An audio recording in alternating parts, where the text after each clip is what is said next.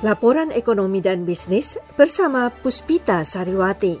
Presiden Trump akan memberikan tunjangan tambahan pengangguran federal untuk jutaan warga Amerika yang kehilangan pekerjaan karena pandemi COVID-19. Namun, keputusan presiden itu hanya akan memberi bantuan 400 dolar setiap minggu, turun dari 600 dolar yang diterima sebelumnya. Berapa banyak orang yang akan mendapat tunjangan itu dan kapan bantuan itu tiba masih menjadi pertanyaan. Tunjangan pengangguran sebelumnya yang berakhir pada 1 Agustus sepenuhnya didanai oleh pemerintah AS. Tetapi sekarang Trump meminta agar negara-negara bagian ikut menanggung 25 persen. Ia berupaya menyisihkan 44 miliar dolar yang sedianya untuk bantuan bencana bagi negara bagian untuk membiayai tunjangan pengangguran itu.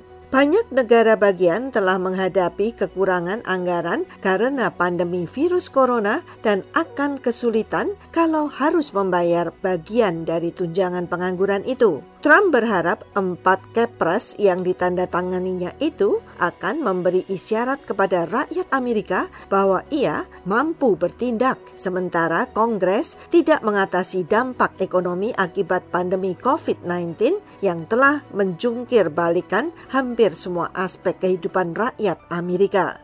Tidak jelas apa dampak ekonomi dari keputusan presiden itu, dan kepresnya tidak membahas beberapa bidang yang telah menjadi bagian dari kesepakatan Kongres, termasuk pendanaan untuk sekolah, pemerintah negara bagian, dan lokal. Beralih ke berita ekonomi lain.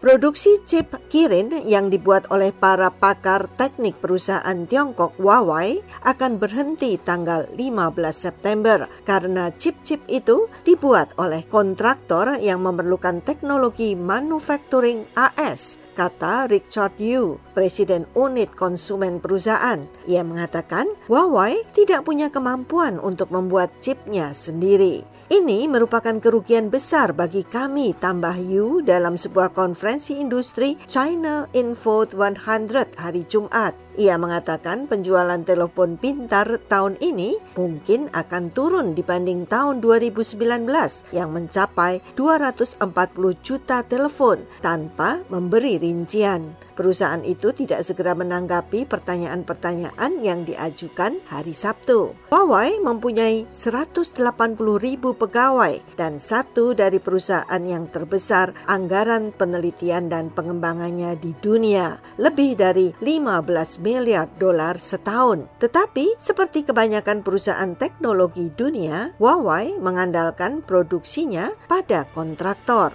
Sebelumnya, Huawei mengumumkan angka penjualannya di dunia naik 13,1 persen dibanding tahun lalu sampai 454 miliar yuan atau 65 miliar dolar untuk paruh pertama tahun 2020. Yu menambahkan itu disebabkan karena penjualan yang laris dari produk-produk kelas atas, tetapi ia tidak memberikan rincian. Sekian laporan ekonomi dan bisnis Puspita Sariwati, VOA, Washington.